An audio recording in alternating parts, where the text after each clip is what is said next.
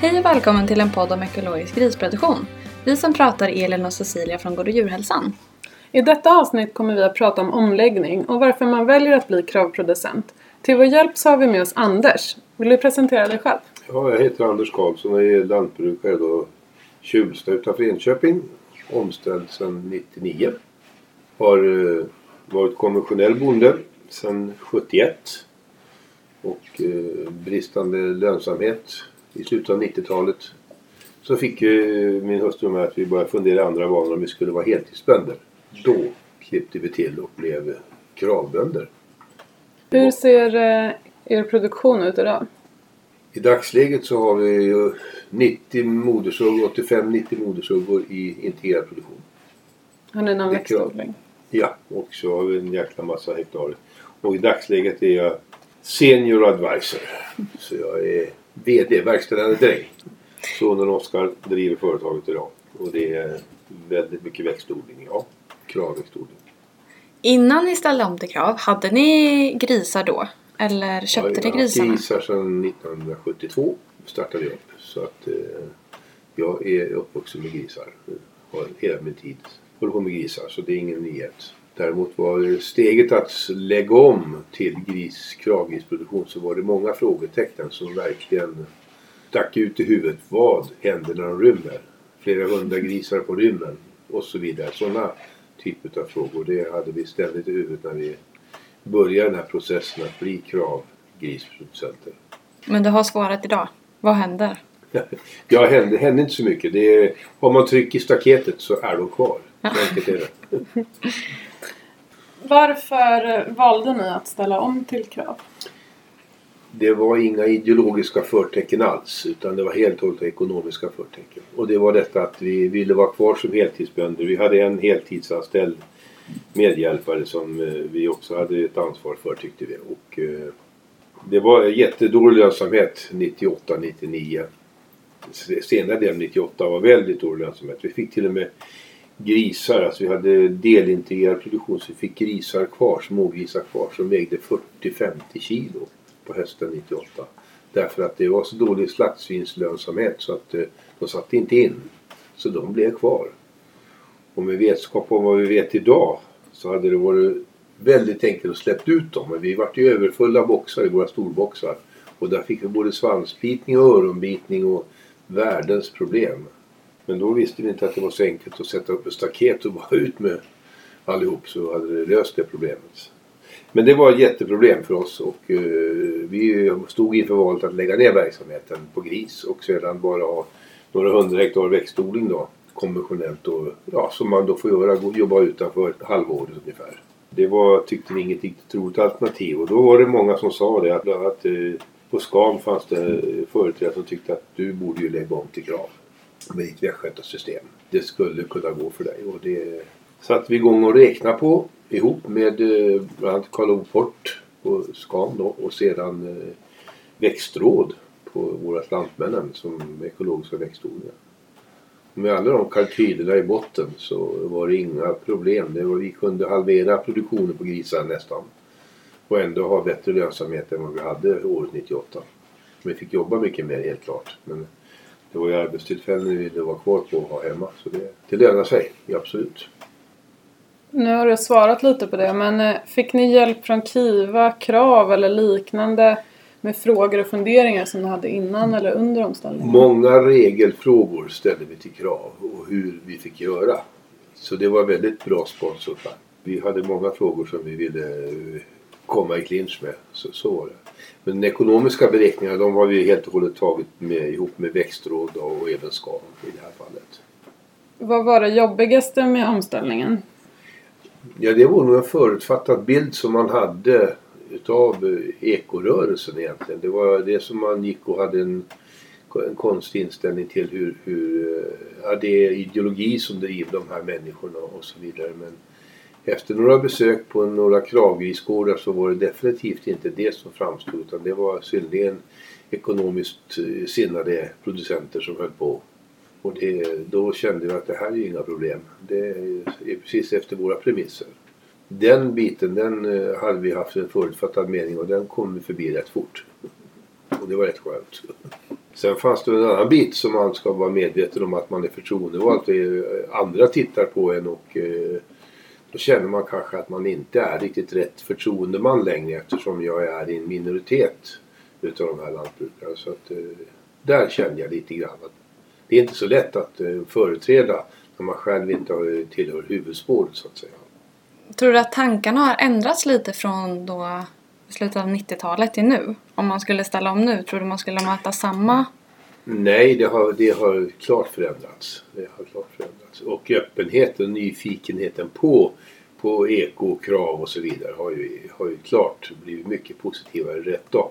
Vi har ju en konstig debatt mellan konventionellt och eko har haft det hela tiden och den, den har jag vägrat att, och, och acceptera för det, det är befängt att diskutera de här olika sakerna. Var och en tror på sin sak och sen kan man hålla på. Men det tycker jag har lugnat sig. Det finns betydligt hetskare tidigare har varit.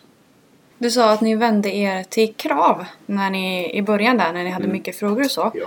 Vem är det man vänder sig till när man vänder sig till krav? Är det rådgivare? I det här fallet så är det till organisationen krav och då hade man regelansvarig. Det var Helena Engström tror jag hette. Som fick svara på de flesta av de frågor vi hade. Så att det var helt enkelt, och på den tiden så var både krav sin egen certifierare också. Så att det var både organisationen krav och så certifieringen i samma person. Det är ju uppbrutet idag så att idag är är krav då sig själva så att säga och stiftar reglerna. Men certifierar gör helt fristående organisationer som Kiva och Hushållningssällskapet och vad det nu heter. Du nämnde förut att du tyckte det var lite jobbigt att vara förtroendevald under den här omställningen. Tänkte ni mycket på vad grannar och andra kollegor ansåg?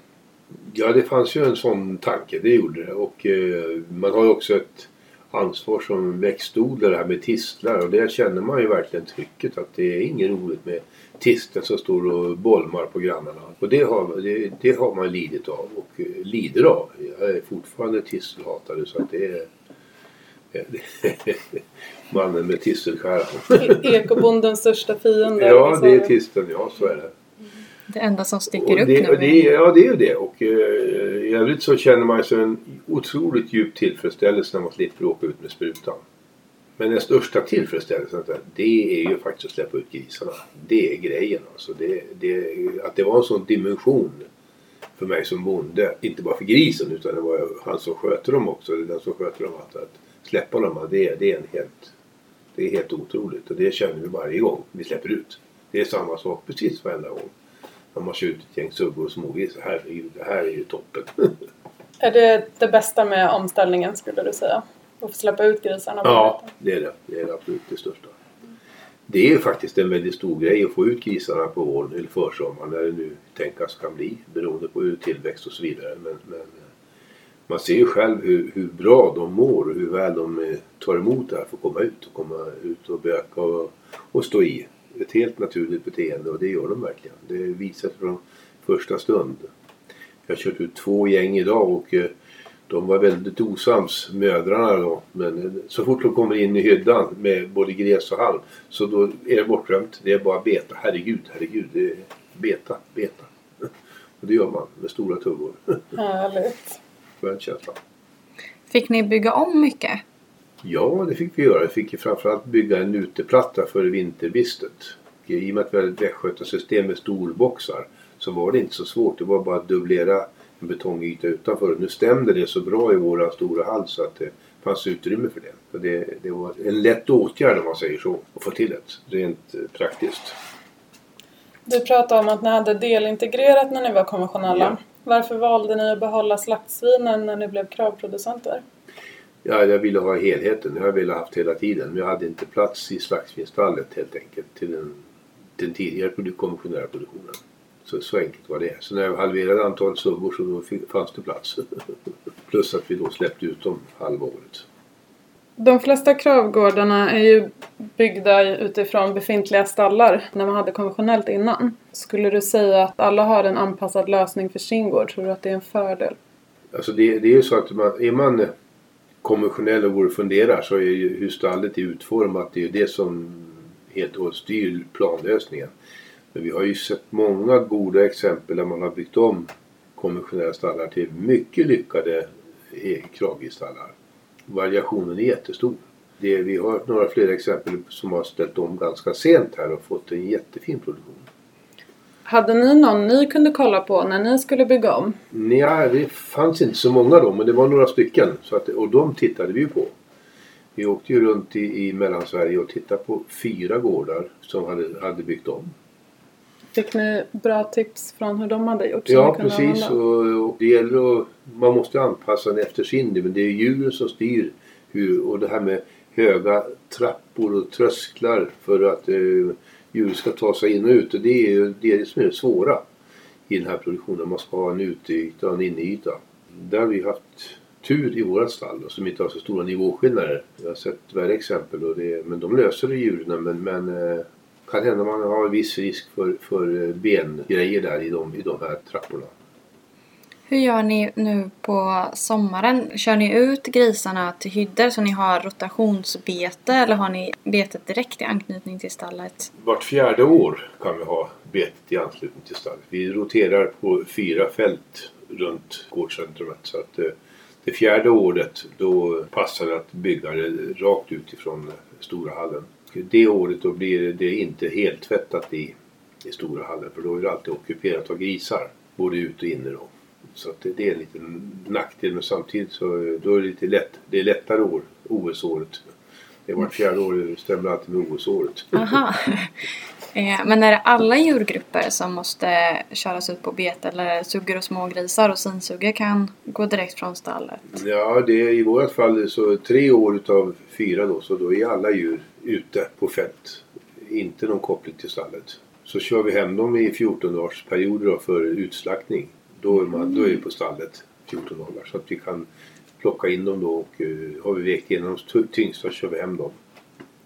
Vi pratade om eh, Tina Kiva är ute på somrarna så kollar de att grisarna har gyttjebad och chans till skugga och så här. Hur har ni löst de delarna när de inte går från stall? Nej, och då har vi ju då att vi är jättenoga med gyttjebad. Det är det det bygger på. Skuggan är lite sämre för det är bara det här plåthuset som vi har på 25 kvadratmeter som, som är skugga. Och det, det är stekhet och åker och det är ingen eh, optimal lösning. Så att vi har flera gånger ställt ut balar för att få skugga bakför en skuggsida på balar. Och det, det är ju ett sätt men det, det räcker inte till riktigt. Utan det är jättenoga med badvatten och det kör vi från Mälaren. Upp till 30 kubikmeter per dag kör vi badvatten för att ha till alla grisarna och det är otroligt välkommet. Det är, det är en lyx men det måste man ägna dem för det är, det är svalkar de behöver. Men de nyttjar de här gyttjebaden. Om de gör. De blir väldigt djupa. De är väldigt djupa. Ångrar ni någonsin att ni ställde om till krav? Nej, egentligen inte en sekund. Utan det har varit en, en härlig resa. Som 50-åring och, och ställa om. Man är ju liksom egentligen på väg ut för den här trappan. Men det blir en nytändning och eh, jag kan väl säga att jag vägde bra bit över 100 vid det tillfället när jag ställde om. Men det var också en, en vård av att vara förtroendevald. Vill man minska på, den, på det och öka motionen hemma så då minskade min vikt så jag mår mycket bättre idag än vad jag gjorde då rent fysiskt.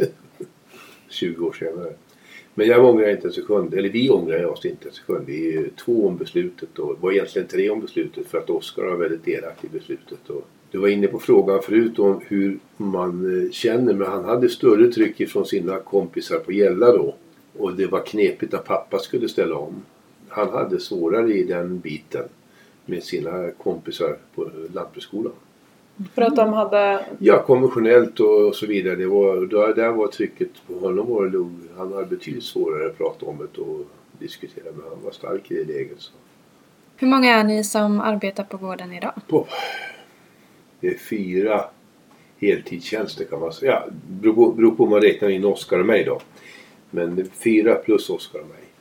Och då är det inte bara grisar och växtodling? Nej, det är växtodling och kossor. Nötdjur alltså, nötkött. 60 moderdjur och hela tiden produktion då med, med form av att de, eh, de tjurkalvar gör om till stutar. Så att det är ju eh, två omgångar. Årskalvar och två, sådana ska bli två år som går på bete nu. Så att det är ju ja, 150 djur och sådant. Ett sidospår bara. Nu råkar jag veta att ni har kört grisar på skogsbete. Eh, är de eh, bra markberedare? Mycket bra. Väldigt bra markberedare. att rekommendera. Och vi har ju våran Kjell Sjölin då utanför Vattholma här som driver det så med stor framgång att eh, släppa grisarna på skogen. Han är mycket bättre skickad att fråga om hur det fungerar. Men det experiment vi har gjort på skogsbete det fungerade bra och eh, idag är det en riktigt etablerad tallskog på det lilla betet. Kul. Har ni haft problem med vildsvin när ni släpper ut dem på skogsbete? Ja, nej, inte på skogsbete hade vi ingenting faktiskt. Men eh, däremot har vi haft tid för annan vildsvin inne i bland grisarna. Vi har haft en vildsvinssugga inne bland våra svinsuggor. Vi har haft en vildsvinsskalt inne bland svinsuggorna. Och senast i, nu i slutet av maj så hade vi en vildsvinssugga inne bland slaktsvinen i en hage. Så att på mors dag så fick moren en vildsvinssugga i present utav Oskar. Nyskjuten. Men eh, det är ingen trevlig upplevelse med det smittorisk som det ändå innebär med dessa djur som man inte vet vad de har varit och fått i sig. Det är ett problem, ja. Det kommer inte att bli mindre. Vi har väldigt stora skador på våra åkerbönor och ärtor. Inte minst och även vallarna av vildsvinsspök. Nu när det är så torrt och grisarna går på bete, finns det några utmaningar? Ja, värmen är det svåra. Absolut. Det här ihållande långa värmen som vi har haft det är ju att vi får köra jättemycket vatten. Det är bara så. För de har, kyla är inget problem för grisen. Däremot värmen är ett problem. De måste ha både skugga och framförallt vatten. Och bada och svalka sig. Ett oavvisligt krav. Det är bara att köra vatten. Det finns inget alternativ. Man skulle vilja ha lite mer skuggiga skogsbackar som de gav skuggor. Men det, det är bara önsketänkande. Jag vill inte ha skogsbackar annars. Hur har ni grisarna på vintern? Ja, vi har dem ju i en, en stor hall, slaktsvinsdelen då. Så att, det, och eh, den går ju ut på en platta. Och sen har de gått om djupströ, alltså halm på djupströbädd. Och det fungerar alldeles utmärkt. Vad har ni för eh, foderanläggning? Vi har stora eh, rundtråg som vi fyllde då med, med en eh, sån här kedja, runt omgående kedja. Som fyller på dem och de har fri utfodring. De får äta så mycket de orkar. Har alla grisar fri utfodring? Ja, ja förutom avvänjningsgrisar då har vi restriktiv utfodring. Kör ni bara egenproducerat foder eller köper ja, ni in? vi köper in koncentrat då. Ungefär 15 procent utav foderåtgången är koncentrat. För det är lite ekologisk soja men det mesta är ju inhemskt producerade. Det är åkerbönor och raps och så vidare. Potatis, protein. Är det lätt att få tag på? Koncentrat är inga problem. Det har ju flera olika alternativ som det, det finns. Det är en ganska bra fungerande prissättning på det här. Ekosojan kan man väl i sig diskutera om det är värt att sitta och ta in kinesisk soja eller italiensk ekosoja och argentinsk. Det är vad vi har tillgång till för det är ett högt fint protein i det. Det är bara så. När grisarna inte går ut på bete så har de ju tillgång till grovfoder. Ja. Vad har ni för grovfoder på gården? Vi kör ensilage. Samma ensilage som till kossorna. Tycker de om det? Ja, ensilage är jätteviktigt. Det är ett jättebra eh, bukfylla till grisarna och det är ett ständigt bökande i ensilagesäcken. Det, det ska bara vara fullt där. Det är bara så. Och det går åt mycket. I alla djurkategorier? Alla djurkategorier. Utom de nygrisade suggorna. För vi kör inte in i, i BB. Där använder vi inte ensilage. Utan då är det bara om det är någon som har problem med foderleda och så vidare. Vi kan bära in ensilage. Men där håller vi inte på att kasta ensilage. Äter även smågrisarna när de går i familjeboxar ensilage? Ja, det gör de. Vad tycker om det smak? Absolut. Det smakar jättebra. De är ju förtjusta i det. Och det är terapi. Det är ett arbetsmoment. Sök, södersök. Det är att leta igenom ensilaget. Jord på trynet, är det något som alla inom KRAV är anslutna till? Eller hur, vad är det för organisation, Jord på trynet? Jordbruksföreningen blev en organisation utav, eller en ideell ekonomisk förening därför att vi hade en RFA-grupp med oss kravgrisproducenter under Maria Alariks ledning och eh, då åkte vi runt hos varandra och ja, lärde helt enkelt. Det är ett väldigt stimulerande sätt att eh, både lära sig grisningen men framförallt tekniken med, med hus och byggnation. Så många ritningar som har tagits fram i den gruppen på olika optimala grisningsstallar det, det, det vet jag inte men det är väldigt många. Och det, ur den gruppen så utkristalliserar sig det här att vi skulle nog faktiskt behöva en organisation som vi förhandlade som förhandlingsorganisation. Och på det viset så eh, drog vi igång och blev formella 2010. Är alla som är med i KRAV med på Jord på trynet? Ja, vi var 24 producenter från början och idag är vi 34. Jag kan inte säga exakt antalet men jag tror det är 34 stycken. Och eh, alla som har kravgrisar är i princip med. Ja. Så om man är intresserad av att lägga om sin produktion eller starta upp produktion kan man vända sig till Jord på trynet då Ja. för bollplank och... Det ska man definitivt göra och eh, det är inte säkert man kommer med i första svängen beroende på marknadsläget. Så att det, det, vi har liksom en liten jag, kölista för, det, för detta. Eh, Vi är helt avhängigt hur marknaden utvecklar sig. Hur många vi kan ta in, hur mycket vi kan släppa på så att säga. Är det ni tillsammans med Krav då som har den här kölistan? Nej, det är vi själva som sitter på den. Det är vi själva, Jord på trynet, organisationen. Är den här kölistan bara för att man ska få med i organisationen eller har det också med att... Det är marknadsbilden helt och hållet.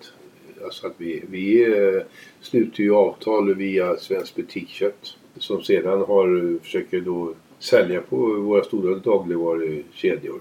När de eh, vill ha mer volym, ja då kan vi öka på produktionen. Det är så enkelt det är. Och när de eh, tar in annan vara då, då helt plötsligt blir det ju problem för oss och då, eh, då får vi ju dra i stopptecknet. Då får vi inte expandera mera. Vi, överskott är ju ett väldigt svårt dilemma att hantera. Det är ju ändå en högprisprodukt som vi producerar. Så ni säljer alltså ert kött genom Jord på trynet? Ja, det gör. Det, det körs, nej, det går inte direkt så utan det är förhandlingsorganisationen men det är Svensk Butikskött som säljer allt vårt griskött. Okej. Som Men om man skulle vara intresserad av att lära sig mer eller just den här omställningsprocessen då kan man kanske vända sig till er just bara för ett bollplank? Jajamän, absolut. Mm. absolut. Och erfagrupper de är ju till för alla. Så att säga. Så det, där finns det ingen. Men att släppa in den i organisationen jordbrukssynet, där är det ju en litet problem då därför att det är marknadstillgången. Hur den ser ut, marknadsläget som avgör om vi kommer in med fler producenter. Hur får man kontakt med Jord på trynet? Har ni någon hemsida? Ja, det finns en hemsida. Det är jordbrukssynet.se. Då har vi Instagramkonto och en Facebook-sida. Och den är några fr- framförallt tjejer som företrädesvis driver. Och Maria Engvall och Karina Andersson. Det är de som driver den här sidan.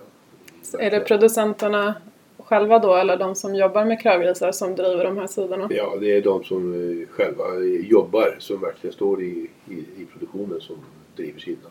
Vi har pratat med Anna Wallenbäck och hon pratade om att de här kravreglerna, att de hela tiden uppdateras och att det förnyas och det ändras eh, för att man ska komma framåt. Ja. Hur håller man sig uppdaterad som Ja, ja, regelboken är ju ens A och O så att säga. Den är ju den man måste hålla sig efter. Och eh, bommar man någonting där så blir man om inte annat uppmärksammad på det när man får en revision.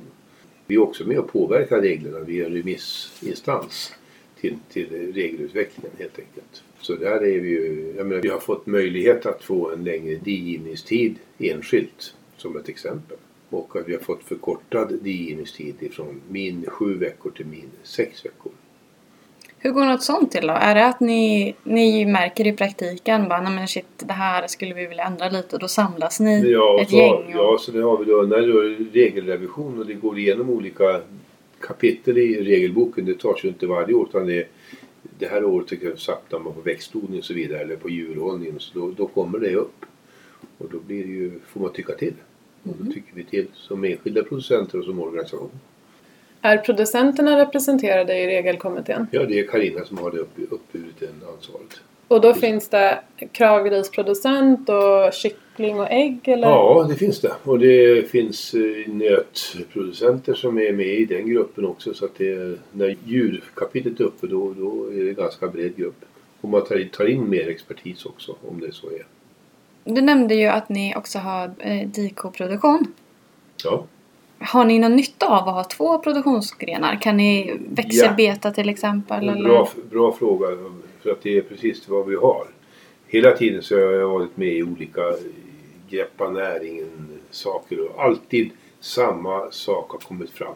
Du bör ha en köttdjursproduktion på den här gården parat med grisproduktionen. För att eh, få bättre ekonomi på vallandelen och öka vallandelen. Det är motorn i, i all ekologisk kravväxtodling så är det att ha en riktigt bra vall. Och får man då avsättning för den via nötköttet och vi har ju mycket melarhagar och så vidare som vi betar så, det är ju helt naturligt och eh, då får vi också avsättning för vallen ekonomiskt lönsammare. Så det är, det är helt och hållet en, en, fråga som har varit på tapeten varenda, varenda rådgivningsbesök från Greppa näringen så slutar alltid det påpekandet att du bör ha en nöt, nötbesättning. Så 2010 började vi med det då. Med en liten besättning men, men eh, sen har vi inte större då. Kan man nyttja just det att kan man växelbeta dem till exempel? Så den här fyraårscykeln du hade på ja, där, betorna? där kommer inga, där kommer inga nöt alls på de fälten. Ah, okay. Det är bara den vallen som kommer vart fjärde år som vi då har till eh, grisbetet. Mm. Men sen har vi ju stora vallarealer för att förse både växtnäringen med, med, med kväve så att säga och även kossorna då med foder. Så att det, det är två saker där och det vi har ju över 30 vall. Du sa att ni använder samma, samma vall. Då är det en ganska inte så näringsrik ensilage som ni ger till grisarna om ni har dikor? Eller har ni... Nej, vi, det, vi har tyvärr lite för näringsrik vall. Det är i och med att vi har så mycket hög klöverandel. Mm. Så de är inte optimalt sett ur idisslarnas eh, sammansättning vad de vill ha. Men eh, det kompenserar med lite halm eller lite sämre vallar finns det också. Tvåårsvallar som det blir mer gräs i. Men gör ni ett aktivt arbete med vallen för att räkna in det i foderstaten till gris energimässigt? Nej, nej det har inget egentligen ekonomiskt värde. Det finns inget påvisbart. Men det här är faktiskt att de mår väldigt mycket bättre. Att de ska ha det också grovfoder. Det är en kravregel. Så att det är ju det är någonting som, och det ser man ju på dem. Det enda tänkbara man säger är att eh, sinsuggor kan nog tillgodogöra sig med deras matsmältningsapparat. Alltså moderdjuren kan tillgodogöra sig energin i klövergräs till en viss del. Men hur mycket? Det har vi inte fått något svar på. Det jag kräver inget svar heller. Jag ser bara att de mår väldigt bra. och att de äter jättemängder. De har ju fri tillgång. Och de äter verkligen hur mycket som helst. Då de blir kanske lite fetare än en normal sugga. Ja, det kan man nog säga. vi har en avslutande fråga som vi har ställt. Och då är det varför är det viktigt att vara en medveten konsument när man handlar i affären tycker du? Jag tror att de flesta konsumenter har ett intresse av hur maten är producerad. Och inte minst när mediadebatten går så då vill man gärna veta hur det är producerat och, och så vidare. Om vi tar 2014 års val till EU-parlamentet så var det helt plötsligt en het fråga om antibiotikaresistens. Och det gjorde att helt plötsligt kom svenskt kött överhuvudtaget, svensk mat, upp på agendan som ett otroligt fint förebild att vi har restriktivitet när det gäller antibiotika, vilket man inte har i övriga Europa. Och det var ju en stor fördel för svenskt överhuvudtaget och inte minst då för krav naturligtvis. Det är ju bara så. Alla de här mediala sakerna gör att människorna blir ganska medvetna. Sen kommer det ju larm och så vidare. Men just den här medvetna konsumenten de söker också då bra varor. Och då har ju vi faktiskt jättebra varor med våra kravgrisar. Det går inte att komma ifrån och kravnötkött. Men de som eh, medvetet väljer så kan de köpa till mindre och köpa krav och det gör de tror jag. Samtidigt som vi använder betydligt mindre med kemi. Det går inte att komma ifrån. Men det finns ingen kemisk ogräsbekämpning någonstans i krav. Och det känns jäkligt skönt.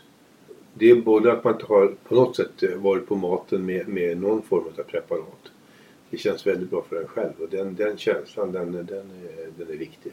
Det är jätteviktigt att man har en ren produkt. Tack så jättemycket Anders för att du ville vara med i våran podd. Tack själva. Lyssna även in våra andra avsnitt. Inspelningen av denna podd finansieras av Europeiska jordbruksfonden för lantbruksutveckling.